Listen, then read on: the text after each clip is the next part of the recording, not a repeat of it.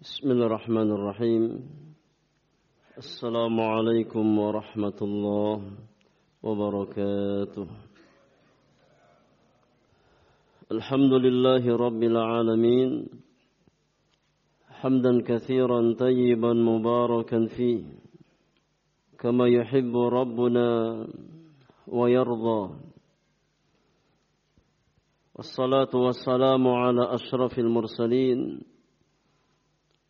المبعوث رحمة للعالمين وحجة على الخلائق أجمعين. نبينا محمد وآله وصحبه أجمعين. ومن تبعهم بإحسان إلى يوم الدين وسلم تسليما كثيرا. فإن أصدق الحديث كتاب الله عز وجل وخير الهدي هدي نبينا محمد صلى الله عليه وسلم وشر الأمور محدثاتها وكل محدثة بدعة وكل بدعة ضلالة. وكل ضلالة في النار أما بعد إخواني وأخواتي في الله رحمكم الله أجمعين jemaah sekalian kaum muslimin dan kaum muslimat yang semoga dirahmati oleh Allah Subhanahu wa taala kita bersyukur kepada Allah tabaraka wa taala yang kembali mempertemukan kita di majlis yang mulia ini di malam hari ini malam yang ketiga dari bulan Rabiul Awal di tahun 1445 Hijriah. Mudah-mudahan Allah Subhanahu wa taala senantiasa menganugerahkan kepada kita semua niat-niat yang ikhlas. Kita berkumpul semata-mata hanya karena Allah dalam rangka bertakarrub kepadanya dengan sebuah amalan yang bernama talabul ilmi syar'i. Kita melanjutkan kajian rutin kita di dalam membahas kitab Riyadhus Salihin من كلام سيد المرسلين وهكريا الإمام محي الدين أبو زكريا يحيى بن شرف النووي رحمة الله تعالى عليه رحمة واسعة kita melanjutkan pembahasan dari bab yang ke-28 yang penulis bawakan bab perintah untuk menutup aib kaum muslimin serta larangan yang menyebarkan aib-aib mereka dengan tanpa darurat dengan tanpa ya hajat yang yang sifatnya mendesak. Telah kita syarahkan dalil yang pertama yang penulis bawakan itu firman Allah Subhanahu wa taala di surat An-Nur ayat yang ke-19 tentang wa'id ancaman ya bagi orang-orang yang memiliki keinginan tersebarnya ya perbuatan fahisyah di tengah-tengah kaum muslimin. Maka di malam hari ini kita masuk hadis yang pertama yang penulis bawakan di bab yang ke-28 atau hadis dengan nomor 240 di dalam kitab Riyadhus Salihin. Tafadhal iqra hadis Abu Hurairah radhiyallahu taala anhu wa arda. بسم الله والصلاة والسلام على رسول الله وعلى آله وصحبه أجمعين أما بعد قال المصنف رحمه الله تعالى باب ستر عورات المسلمين والنهي عن إشاعتها لغير ضرورة. الحديث الأول وعن أبي هريرة رضي الله عنه عن النبي صلى الله عليه وسلم قال لا يستر عبد عبدا في الدنيا إلا ستره الله يوم القيامة. رواه مسلم. جزاك الله خيرا وبارك فيك. Hadis yang pertama yang penulis bawakan adalah sebuah hadis yang dikeluarkan oleh Imam Muslim di dalam sahihnya di kitab Al-Birri Was-Silah wal Adab bab bisharatu man satarallahu aibahu fid dunya. Hadis nomor 2590 2590 di dalam kitab Sahih Muslim. Dari jalan sahabat yang mulia Abu Hurairah radhiyallahu taala anhu wa ardhah dari Nabi sallallahu alaihi wasallam beliau bersabda La yasturu 'abdun 'abdan fid dunya illa satarahu Allahu yaumal qiyamah Kata Nabi yang mulia tidaklah seorang hamba menutup aib orang lain, menutup aib saudaranya di dunia kecuali Allah akan tutup aibnya di hari kiamat. Hadis yang mulia ini jamaah yang Allah muliakan dibawakan oleh penulis rahimahullahu taala untuk menjelaskan ya keutamaan menutup aib orang lain. Maka di antara faidah yang bisa kita ambil dari hadis yang pertama hadis ini menjelaskan keutamaan seseorang yang menutup aib saudaranya. Di mana seorang hamba yang berusaha menutup aib saudaranya, maka Allah akan tutup aibnya di hari kiamat. Ini fadilah, ya keutamaan. Yang didapat seorang hamba tatkala dia berusaha untuk menutup aib saudaranya. Apa makna satarahu yaumal qiyamah? Para ulama menjelaskan. Ya makna Allah akan tutup aibnya di hari kiamat. Ada dua ya penafsiran. Penafsiran yang pertama, imma bi ghufrani dhunubihi fala yas'aluhu anha. Allah akan tutup aibnya di hari kiamat maknanya Allah akan ampuni dosa-dosanya. Ya, maka Allah tidak akan tanyakan dosa-dosa tersebut kepada kepada dirinya. Tatkala seorang muslim menutup aib saudaranya, maka Allah balas dia di hari kiamat, Allah ampuni dosa-dosanya. Ini fadilah yang sangat besar. Ya, tatkala seseorang berusaha untuk menutup aib saudaranya. Penafsiran yang kedua, makna Allah akan menutup aib seorang hamba di hari kiamat. Kata para ulama, ay la yafdahuhu ala ru'usil ashhad tatkala Allah menghisab ya hamba tersebut, Allah menghisab aibnya secara menyendiri. Ya, tidak Allah bongkar aibnya di hadapan manusia di hari kiamat. Maka ini balasan seseorang ya yang berusaha untuk menutup aib saudaranya di dunia. Di hari kiamat Allah Subhanahu wa taala tidak akan bongkar aibnya di hadapan khalayak pada ya pada hari kiamat nanti. Ya. Maka ini fadilah yang sangat besar yang Allah berikan kepada seorang seorang mukmin yang berusaha untuk menutup aib saudaranya. Di antara faidah yang bisa kita ambil, yang kedua, hadis ini menjelaskan ya satu kaidah di dalam agama kita bahwasannya al jazau min jinsil amal. Ya.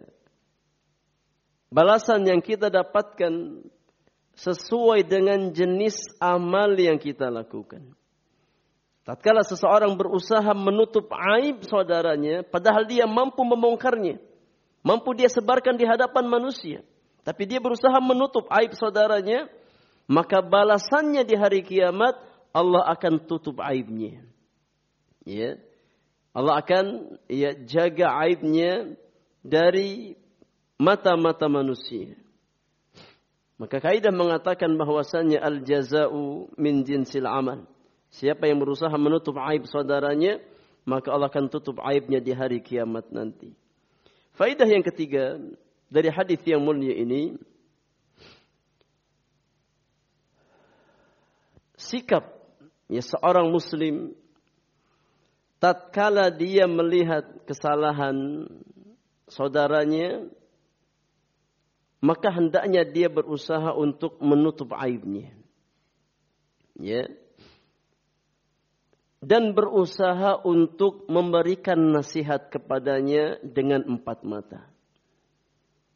Ini sikap ya tatkala kita mendapati aib saudara kita. Tatkala kita lihat saudara kita berbuat ya yakni perkara yang sifatnya maksiat dan dosa kepada Allah Subhanahu wa taala, kita berikan dia nasihat. Ya, kita tidak diam dengan keburukan yang dia lakukan. Kita berusaha memberikan nasihat kepada saudara kita tersebut, ya. Namun kita juga ya harus berusaha untuk menutup aibnya. Jangan kita membongkar aib saudara kita. Kecuali memang ada kondisi darurat, hajat yang mendesak. Ya, untuk membongkar aib orang lain. Kalau tidak ada hajat, yang sifatnya mendesak, maka hukum asalnya kita tidak boleh menyebar luaskan aib orang lain. Ya. Kemudian di antara faidah juga yang bisa kita ambil dari hadis Abu Hurairah, hadis di atas menjelaskan ya kaidah di dalam agama kita bahwasannya seorang muslim itu ibarat cermin bagi muslim yang lainnya. Seorang muslim itu ibarat cermin bagi yang yang lainnya. Ya, dan ini dijelaskan secara langsung oleh Nabi kita Muhammad sallallahu alaihi wasallam sebagaimana hadis yang dikeluarkan oleh Imam Abu Dawud dengan sanad yang hasan dari Abu Hurairah radhiyallahu taala anhu Rasulullah sallallahu alaihi wasallam bersabda al-mu'minu mir'atul mu'min Kata Nabi yang mulia seorang mukmin adalah cermin bagi mukmin yang lain. Ya, seorang mukmin itu cermin bagi mukmin yang lainnya. Apa maknanya? Maknanya kata para ulama, ya, seorang mukmin ya dia mengetahui keburukan-keburukan yang ada pada saudaranya, tapi hendaknya kita bersikap seperti apa? Cermin. Ya. Kita kalau ngaca, Pak, ya bercermin, ya, terkadang kita melihat sesuatu aib yang ada pada diri kita. Yang kalau kita nggak ngaca, kita nggak tahu aib tersebut. Ya, contoh jamaah, ya kita mungkin ya nggak sadar kita habis makan siang ternyata masih ada nasi di jenggot kita ini. Ya kalau kita nggak ngaca, kelihatan apa enggak? Nggak kelihatan. Tapi kalau kita ngaca, oh kelihatan. Itu masih ada ya nasinya. Ya belum bersih. Atau mungkin kotoran yang menempel pada wajahnya. Ya, maka dia tampak ya aib tersebut tatkala dia bercermin. Itulah ya posisi seorang mukmin bagi mukmin yang lainnya. Dan tatkala kita bercermin, kemudian kita melihat aib kita, ada nggak cermin kasih tahu yang lain jamaah? Ya habis kita ada orang lain bercermin. Oh, Pak, ya, tadi yang bercermin tadi itu punya aib. Nggak ada. Ya dia simpan untuk dirinya sendiri. Ya, maka ini yang Nabi ibaratkan seorang mukmin adalah cermin bagi mukmin yang lainnya. Artinya terkadang dia melihat sesuatu yang kurang baik dari saudaranya, ya, maka kewajiban dia memberikan nasihat kepada saudaranya tersebut. Dia sampaikan dengan cara yang baik, ya, dan dia berusaha menyimpan aib saudaranya. Jangan dia bongkar. Ya. Kalau kita sanggup memberikan nasihat, berikan nasihat. Adapun menyebarkan aib saudara kita, maka perkara yang terlarang di dalam di dalam agama kita. Ya. Itu makna ya, seorang muslim merupakan cermin bagi muslim yang yang lainnya. Allahu alam. Kemudian hadis yang berikutnya, hadis yang ke 241. Hadis Abu Hurairah radhiyallahu taala anhu yang dikeluarkan oleh Al-Imam Al-Bukhari dan Muslim. Fadhal, iqra. الحديث الثاني وعنه قال سمعت رسول الله صلى الله عليه وسلم يقول كل أمتي معافى إلا المجاهرين وإن من المجاهرة أن يعمل الرجل بالليل عملا ثم يصبح وقد ستره الله عليه فيقول يا فلان عملت البارحة كذا وكذا وقد بات يستره ربه ويصبح يكشف ستر الله عنه متفق عليه. Taib hadis yang kedua, Al Imam membawakan sebuah hadis yang muttafaqun alaih dikeluarkan oleh Al Imam Al Bukhari dan Muslim di dalam kedua sahihnya. Adapun Al Imam Al Bukhari beliau bawakan hadis ini di Kitabul Adab bab Satrul Mu'min ala nafsihi. Hadis nomor 6069. 6069 di dalam kitab Sahih Al-Bukhari. Adapun Imam Muslim beliau bawakan hadis ini di sahihnya di kitab Zuhdi war Raqaiq Babun nahyi an hatkil insan satra nafsihi. Hadis nomor 2990. 2990 di dalam kitab Sahih Muslim. Dari sahabat yang mulia Abu Hurairah radhiyallahu taala anhu beliau berkata, Sami'tu Rasulullah sallallahu alaihi wasallam yaqul Aku pernah mendengar langsung Rasulullah sallallahu alaihi wasallam bersabda, "Kullu ummati mu'afa illal mujahirina." Kata Nabi yang mulia setiap umatku mu'afa. Makna mu'afa di sini ada dua penafsiran ulama. Penafsiran yang pertama, makna mu'afa ay afahu azza wa jal. Ya setiap umatku berkesempatan untuk diampuni dosanya oleh Allah Subhanahu wa taala. Itu penafsiran yang pertama. Mu'afa artinya ya berkesempatan untuk dimaafkan dosanya oleh Allah Subhanahu wa taala. Penafsiran yang kedua, Makna mu'afa, kata para ulama, ay salima min dhammin nasi wa aibihim. Ya. Setiap umatku ya, dia selamat dari celaan manusia. Selamat dari lisan-lisan manusia. Ya. Tatkala dia berbuat dosa, ya berbuat keburukan, tapi dia sembunyikan ya maka dia masih selamat dari celaan manusia. Selamat dari lisan-lisan manusia. Illal mujahirina. Kecuali orang-orang yang ya menampakkan perbuatan dosanya. Al-mujahirin. Ya. Orang-orang yang berbangga dengan dosa dan maksiatnya. Kata Nabi yang mulia, wa inna minal mujaharah di antara bentuk mujaharah ya ini seseorang memamerkan dosanya berbangga dengan dosanya an ya'mala ar-rajulu bil-laili amalan seseorang ya berbuat keburukan di malam hari berbuat maksiat di malam hari thumma yusbihu wa qad satarahu Allah alaihi kemudian dia masuk di pagi hari ya sudah Allah tutup aibnya. Ya, dia berbuat maksiat, nggak ada orang tahu. Allah sudah tutup aibnya. Tapi tatkala datang pagi hari, dia sendiri yang membongkar aibnya tersebut.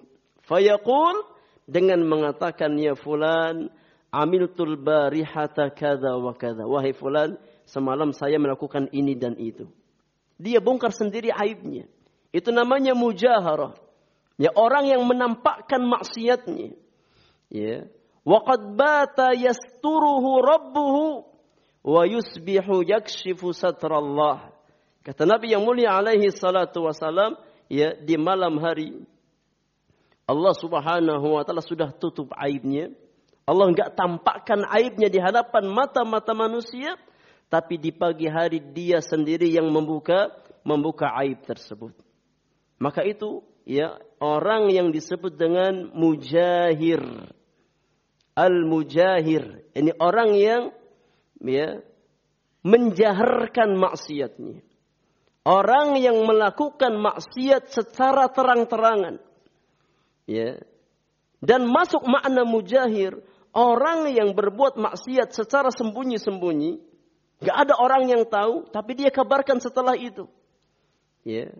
Maka makna mujahir, imma dia melakukan secara terang-terangan di mata manusia, tanpa ada rasa malu, atau yang kedua dia lakukan ya secara sembunyi tapi setelahnya dia yakni bongkar di hadapan manusia. Dia kabarkan kepada kepada orang lain. Maka dia termasuk ke dalam orang-orang yang mujahirin bil ma'asi. Ya. Maka hadis yang mulia ini memberikan kita beberapa pelajaran.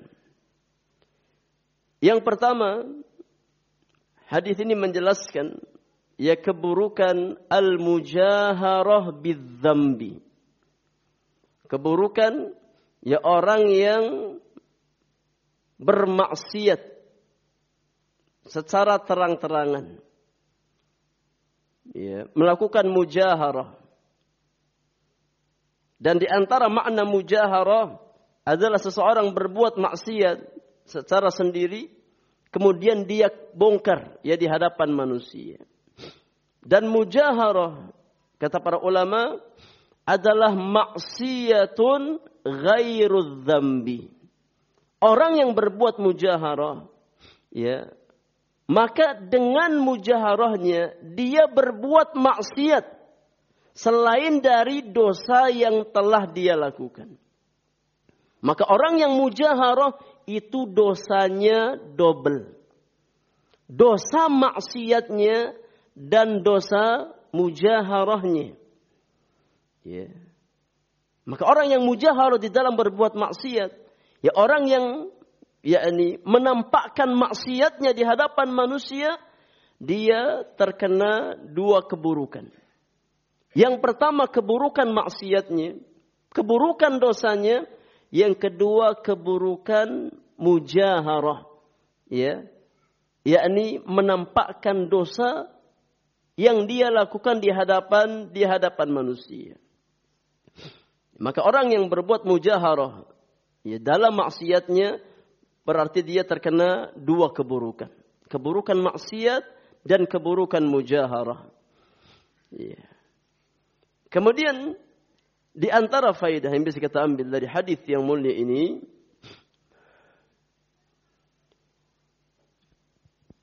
illah Ya, kenapa mujaharah itu termasuk perbuatan dosa? Selain maksiat yang dia lakukan, ya,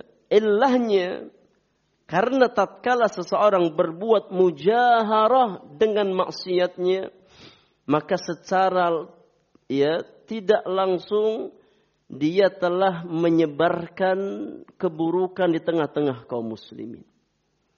Ya, secara tidak langsung dia sudah mempromosikan ya, dosa dan maksiat di tengah-tengah kaum muslimin dan itu satu dosa tersendiri. Ya tatkala seseorang berbuat mujaharah ya, menjaharkan dosa dan maksiatnya dan dia merasa bangga dengan perbuatannya, ya, maka secara tidak langsung dia telah menyebarkan keburukan di tengah-tengah kaum muslimin. Ya. Makanya Islam melarang ya seseorang untuk menyebarkan ya perbuatan buruknya. Ya. Dan kita dilarang untuk menyebarkan perbuatan buruk saudara kita. Ya, tidak boleh kita menyebarkan aib orang lain apalagi dengan sengaja menyebarkan aib diri sendiri. Ya. Kalau orang lain kita dilarang menyebab apa menyebarkan aib mereka, apalagi seseorang menyebarkan aib sendiri. Yang mana ya hukum asalnya seseorang merasa malu dengan dengan dosa yang dia lakukan. Maka tatkala seseorang berbuat mujaharah itu menunjukkan akan kelemahan imannya. Ya. Lihat bagaimana Nabi Shallallahu Alaihi Wasallam menggambarkan ya yakni karakter seorang mukmin tatkala dia berbuat berbuat maksiat. Ya. Ini betapa besarnya rasa takut seorang mukmin dari pengaruh dosa dan maksiat yang dia yang dia lakukan bukan malah bangga. Ya, maka tatkala seseorang merasa bangga dengan maksiatnya, itu salah satu tanda penyakit kemunafikan dalam hatinya. Ya. Ini karakter seorang mukmin tatkala dia berbuat maksiat, dia merasa malu, berusaha untuk menutup ya aibnya, berusaha untuk apa? Menjaga agar jangan sampai orang tahu perbuatan buruk yang dia lakukan. Maka tatkala seseorang yang membongkar aibnya sendiri, bahkan dia merasa bangga dengan perbuatan dosa dan maksiatnya, itu tanda akan rusaknya hatinya. Ya, bahkan tanda bahwasannya ya di dalam hatinya terdapat penyakit nifak, terdapat penyakit kemunafikan. Ya, karena merasa ringan dengan dosa, bahkan berbangga dengan dosa, itu karakter siapa jemaah? Karakter orang-orang munafik ya, merasa ringan, merasa enteng dengan perbuatan dosa dan maksiat. Bahkan merasa bangga ya, dengan maksiat yang dia lakukan di antara karakter orang yang hatinya terkena penyakit kemunafikan. Di antara dalilnya adalah hadis Nabi yang mulia alaihi salatu wasalam. Hadis yang dikeluarkan oleh Al-Imam Al-Bukhari dan Muslim. Dari jalan sahabat yang mulia Abdullah bin Mas'ud radhiyallahu taala anhu wa ardah. Tatkala Nabi sallallahu alaihi wasallam menjelaskan karakter ya seorang mukmin dan seorang munafik terhadap perbuatan dosa yang mereka lakukan. Kata Nabi yang mulia alaihi salatu wassalam, "Innal mu'min yara dhunubahu ka'annahu qa'idun tahta jabalin yakhafu an yaqa'a alaihi. Sesungguhnya seorang mukmin dia melihat dosa-dosanya itu bagaikan ya gunung dan dia duduk di bawah gunung tersebut. Yang dia sangat merasa khawatir kalau seandainya gunung tersebut menimpa dirinya. Ini karakter seorang mukmin. Ya, dia lihat dosanya seperti apa? Seperti gunung yang bisa membinasakan dirinya. Wa innal fajir sedangkan orang yang fajir kata Nabi yang mulia, orang yang hatinya rusak yara dhunubahu kadhubabin marra ala anfihi faqala bihi hakadha. Adapun seorang yang fajir maka dia lihat dosanya, lihat maksiatnya hanya seperti seekor lalat yang nempel di hidungnya. Dia usir, ya seolah-olah tidak lagi berbekas pada dirinya. Artinya apa? Karakter orang yang fajir itu cenderung meringankan dosa dan maksiat. Meremehkan dosa dan dan maksiat. Sedangkan karakter seorang mukmin, ya, dengan keimanannya dia melihat bahwasannya satu maksiat yang dia lakukan itu seperti gunung yang sangat besar yang bisa membinasakan dirinya. Ya, makanya sebagian salaf berkata, jangan pernah meremehkan perbuatan dosa yang Anda lakukan. Sekecil apa pun dosa tersebut. Ya, kata sebagian salaf, la tanzur ila sigharil ma'siyah. Walakin unzur ila 'idhami man asaita. Jangan engkau lihat kecilnya dosa dan maksiat yang kamu lakukan. Tapi lihat besarnya zat yang engkau maksiati. Ya, seorang mukmin berbuat maksiat sekecil apa pun, yang dia maksiati siapa? Rabbul Alamin. Yang dia maksiati adalah Allah Subhanahu wa taala. Ya. Maka jangan kita meremehkan dosa dan maksiat yang kita lakukan. Ya. Karena bisa jadi dosa yang kecil nilainya menjadi besar karena hati yang meremehkan dosa tersebut. Ya. Yakni dosa yang ringan, dosa yang kecil bisa menjadi besar karena hati yang meremehkan dosa itu, menganggap ringan. Sebagaimana amal kebaikan yang ringan di mata manusia bisa menjadi besar ya karena kondisi hati seorang hamba. Demikian pula dosa dan maksiat. Ya dosa yang kecil bisa menjadi sangat besar di hadapan Allah Subhanahu wa taala tatkala seseorang melakukannya ya dengan merasa ringan hatinya, enggak ada beban dia maksiat kepada Allah Subhanahu wa taala. Maka jangan kita melihat kecilnya maksiat yang kita lakukan. Tapi lihat tatkala kita bermaksiat, kita bermaksiat kepada Rabbul Alamin. Zat yang memberikan kita berbagai macam kenikmatan. Ya, nikmat umur, nikmat dunia, ya nikmat kesehatan. Semua Allah berikan kepada kita. Lalu kita balas kenikmatan tersebut dengan kekufuran kepada Allah, dengan kemaksiatan kepada Allah Subhanahu wa taala. Ya. Maka ya mujaharah menampakkan perbuatan dosa dan maksiat yaitu termasuk menyebarkan ya perbuatan keburukan di tengah kaum mukmin dan kita dilarang dan sudah kita bahas ya dalilnya di ayat yang penulis bawakan di surat An-Nur ayat yang ke-19 Allah Subhanahu wa taala berfirman innal ladzina yuhibbuna an tasyi'al fahishatu fil ladzina amanu lahum azabun alimun fid dunya wal akhirah. Ya, orang-orang yang menginginkan tersebarnya keburukan di tengah orang-orang beriman, ya, maka baginya azab yang sangat pedih di dunia dan akhirat. Dan di antara bentuk menyebarkan keburukan adalah tatkala seseorang berbuat mujaharah. Ya, berbuat mujaharah ya secara secara terang-terangan. Faidah yang ketiga yang bisa kita ambil dari hadis yang kedua yang penulis bawakan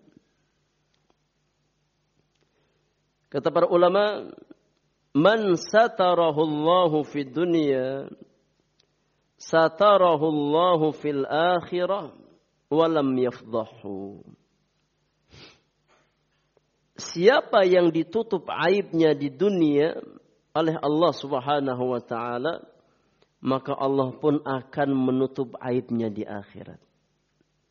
Ya seorang hamba yang dijaga aibnya tidak dibongkar oleh Allah Subhanahu wa taala di dunia, maka Allah akan tutup aibnya di akhirat.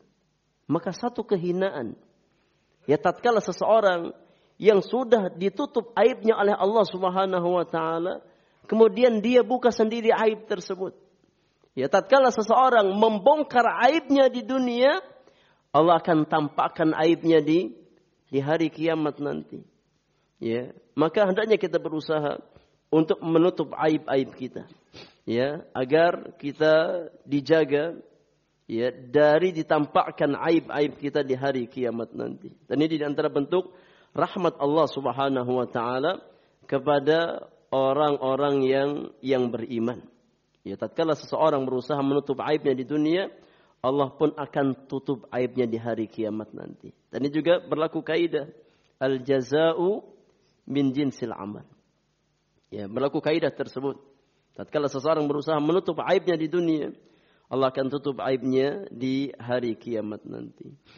Faidah yang berikutnya, faidah yang keempat, para ulama menjelaskan ya ada lima bentuk keburukan di dalam mujaharah ya di dalam perbuatan mujaharah itu ada lima keburukan. Ya sehingga kenapa mujaharah dilarang dalam agama kita? Karena di dalam mujaharah ada lima keburukan. Keburukan yang pertama adalah dosa itu sendiri. Keburukan dosa yang yang kita lakukan. Ya, seseorang di malam hari berbuat dosa, ya. Kemudian di pagi hari dia bongkar. Ya. Maka di dalam dosa mujaharah ada keburukan dosa itu sendiri. Yang kedua, zikruhu ba'da ityanihi au ityanuhu fi mashhadi ghairihi.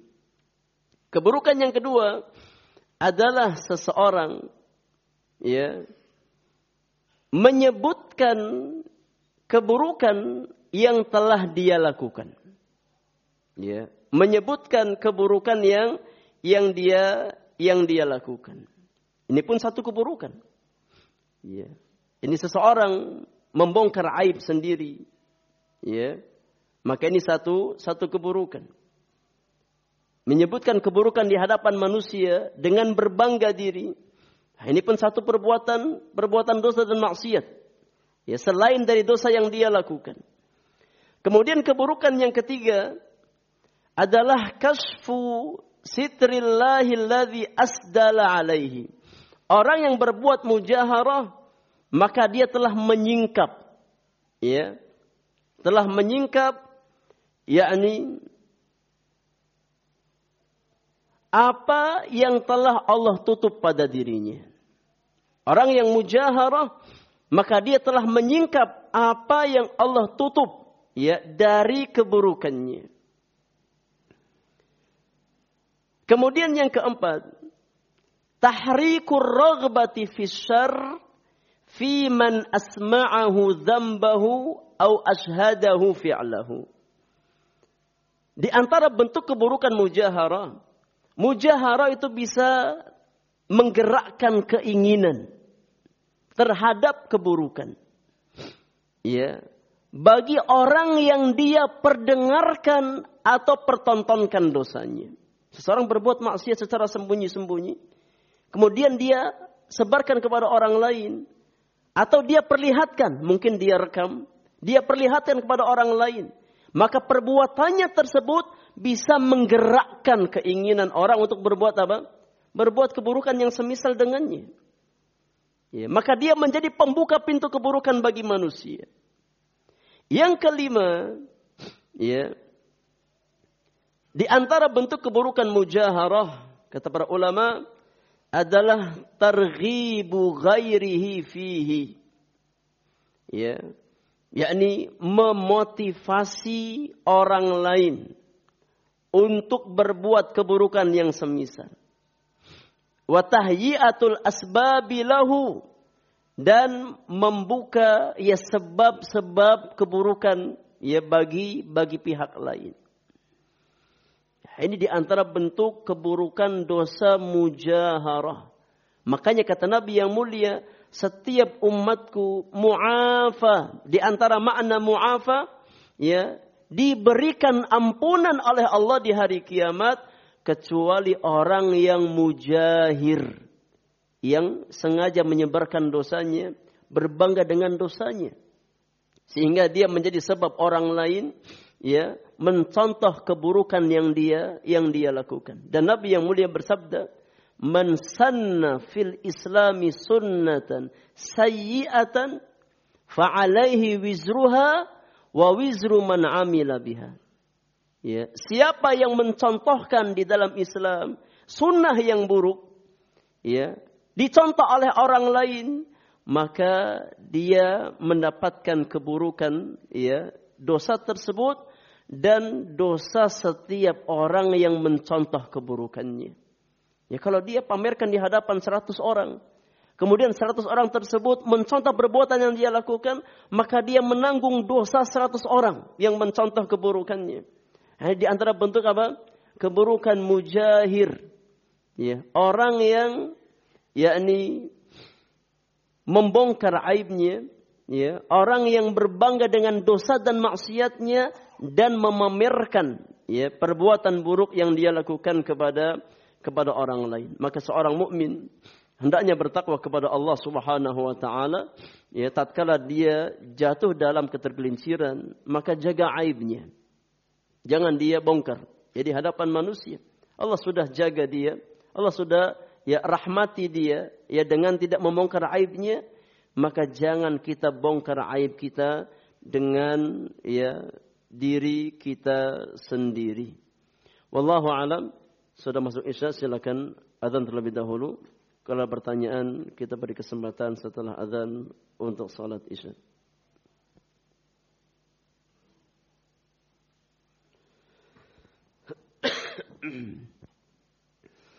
الحمد لله رب العالمين وبه نستعين على أمور الدنيا والدين والصلاة والسلام على أشرف المرسلين نبينا محمد وآله وصحبه أجمعين أما بعد Jemaah yang Allah muliakan, kalau ada pertanyaan terkait apa yang kita bahas di malam hari ini, kita beri kesempatan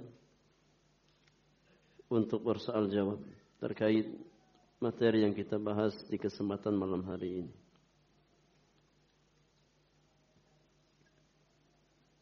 Fadal.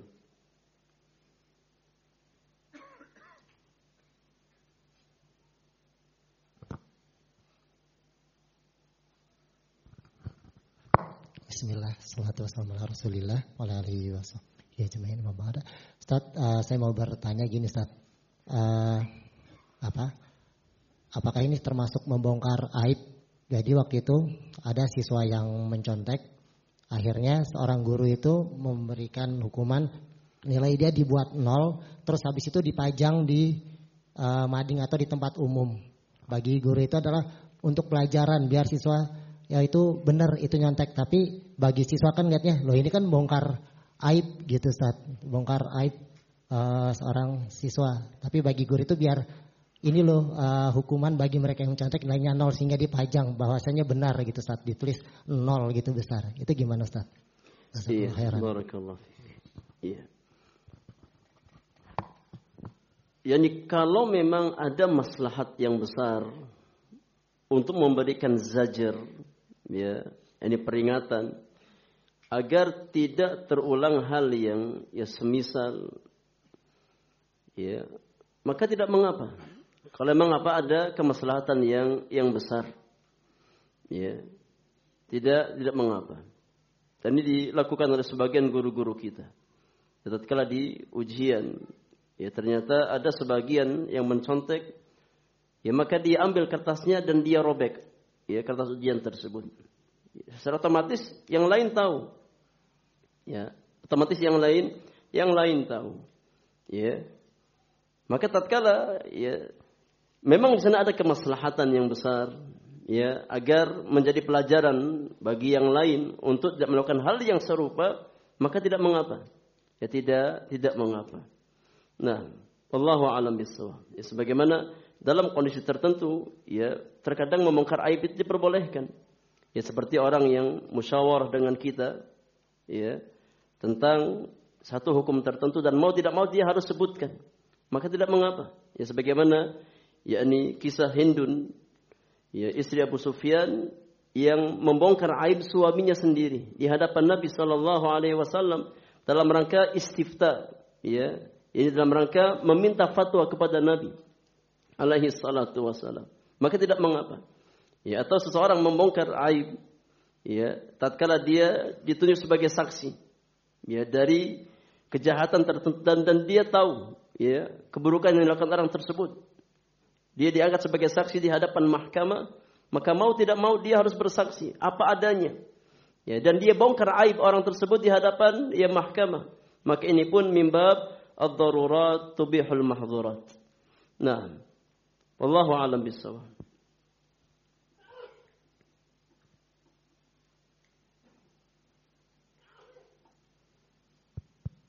Bismillah Ustaz, izin membacakan pertanyaan lewat pesan WhatsApp. Fadl. Sebelumnya ada enam pertanyaan yang masuk Ustaz. Mungkin kita bacakan semua atau sebagian. Fadl. Yang pertama, Bismillah. Semoga Ustadz selalu diberikan kesehatan dan kemudahan. Amin. Iyyakum. Izin bertanya Ustadz, jika membicarakan aib orang lain hanya dengan istri saja, dengan niatan melakukan antisipasi terhadap aib orang tersebut agar tidak menjadi kesalahan kita, bagaimana Ustadz? Apakah diperbolehkan? Syukron Ustaz, jazakumullah khairan. Barakallahu fiik. Iya, nanti dengan istri. Dari istri pindah ke anak. Iya, dari istri pindah ke tetangga. Akhirnya satu komplek pada tahu. Iya. Awalnya apa? hanya dengan istri. ya. Siapa yang menjamin istri kita nggak sebarkan kepada yang lain? Ya. Dari istri nanti cerita ke anak, ya, anak pindah ke yang lain. Maka hukum asalnya, ya, hukum asalnya kalau memang tidak ada hajah yang sifatnya mendesak, ya, tidak boleh kita membongkar aib saudara kita hatta dengan istri kita. Ya, hatta di hadapan istri kita. Nggak boleh kita bongkar aibnya. Ya, tidak boleh kita membicarakan keburukan orang lain. Ya, hatta di hadapan ya, ini orang yang dekat dengan kita. Ya, kalau memang tidak ada hajat yang sangat mendesak, ya, kecuali mimbabi tahdzir, ya, untuk istri kita, ya, hati-hati. Kalau ada fulan, ya, yakni datang ke rumah berusaha minjem uang, ya maka hati-hati. Ya sudah banyak yang terkena ya korban beliau ini. Enggak ada masalah. Ya mimbab tahdir, ya. Dan ada manfaatnya, maka enggak ada masalah. Tapi sebatas cerita, ya, sebatas cerita tentang keburukan orang lain yang mana istri kita sendiri enggak ada faedah yang dia dapatkan. Hanya sebatas tahu keburukan orang lain, maka hukum asalnya tidak diperbolehkan. Ya.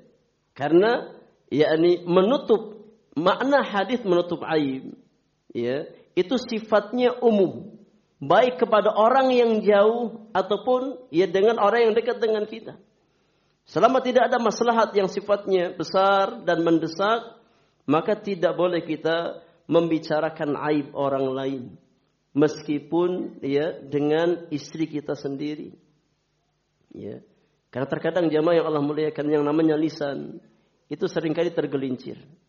Ya. Jangan bicarakan ke yang lain ya. Iya, saya janji nggak bicarakan. Akhirnya bicara ke yang lain. Ya dia janji apa? Minta janji juga. Saya ceritakan sama antum nih, tapi tolong jangan apa? Jangan ceritakan sama yang lain karena ya fulan pesan sama saya jangan ceritakan sama yang lain. Akhirnya dia ceritakan kepada yang lain. Ya, yang lain ceritakan kepada yang keempat, tapi janji ya, jangan ceritakan kepada yang lain. Ya, akhirnya masing-masing apa mengatakan jangan ceritakan kepada yang lain. Ya, ternyata apa? Tersebar. Ya. Maka tidak boleh ya, hukum asalnya tidak boleh seseorang ya yakni menyebarkan aib orang lain kecuali memang dalam kondisi-kondisi yang sifatnya mendesak. Ya kalau ada hajat kebutuhan, tidak ada masalah. Ya, tapi kalau seandainya tidak ada hajat dan tidak ada manfaat, maka tidak boleh kita membicarakan aib orang lain meskipun dengan istri kita sendiri. Ya, karena itu sama maknanya membongkar aib orang lain. Ya, sama maknanya membongkar aib orang lain meskipun di hadapan ya istri kita sendiri, enggak boleh. Nah. Wallahu a'lam bishawab. Nah, pertanyaan kedua. Assalamualaikum warahmatullahi wabarakatuh. Assalamualaikum Izin bertanya, apakah semisal jika ada seorang yang menceritakan perbuatan dosa di masa lalunya dengan tujuan maslahat sebagai pembelajaran bagi orang lain agar tidak terjumus ke dalam dosa tersebut, semisal ada mantan pengikut aliran sesat yang mana orang tersebut membuat video tentang pengalamannya berada di aliran sesat tersebut. Apakah orang ini termasuk ke dalam golongan yang muhajir Ustaz? Syukur Syukran jazakumullah khairan. Iya, barakallahu. Insya Allah tidak mengapa. Kalau ada maslahat yang besar ya untuk membongkar kesesatan ya yakni kelompok tertentu yang memang menyimpang dari hadis Al-Qur'an dan sunnah Nabi yang mulia alaihi salatu wasalam ya maka tidak mengapa. Ya. Selama di sana ada kemaslahatan yang yang besar ya agar kaum muslimin mengambil pelajaran agar tidak terjatuh dalam kesesatan yang sama dan agar dia mengingatkan saudara-saudara yang lain yang mungkin masih ya terjerumus dalam kesesatan tersebut maka tidak tidak mengapa ya tidak tidak mengapa dan insya Allah ini termasuk ya yakni satu kebaikan bagi dirinya ya termasuk yakni uh, usaha ya agar orang lain tidak terjatuh ke dalam keburukan yang yang serupa dengan yang pernah dia pernah dia lakukan terdahulu. Ya, insya Allah tidak tidak mengapa seperti itu. Wallahu alam bisawab. Pertanyaan ketiga, Assalamualaikum warahmatullahi wabarakatuh. Waalaikumsalam. Barakallahu fikum wa nafa'a bikum ya ustazana. Izin bertanya. Ustaz, jika ada istri bertanya ke suaminya atau sebaliknya, apakah sebelum menikah pernah pacaran atau dekat dengan wanita atau laki-laki lain? Padahal aibnya sudah Allah tutupi, maka bagaimana menyikapi seperti ini Ustaz? Jazakumullah khairan. Iya, nggak perlu kita ceritakan. Iya, dan ya ini nggak layak kita tanyakan seperti itu.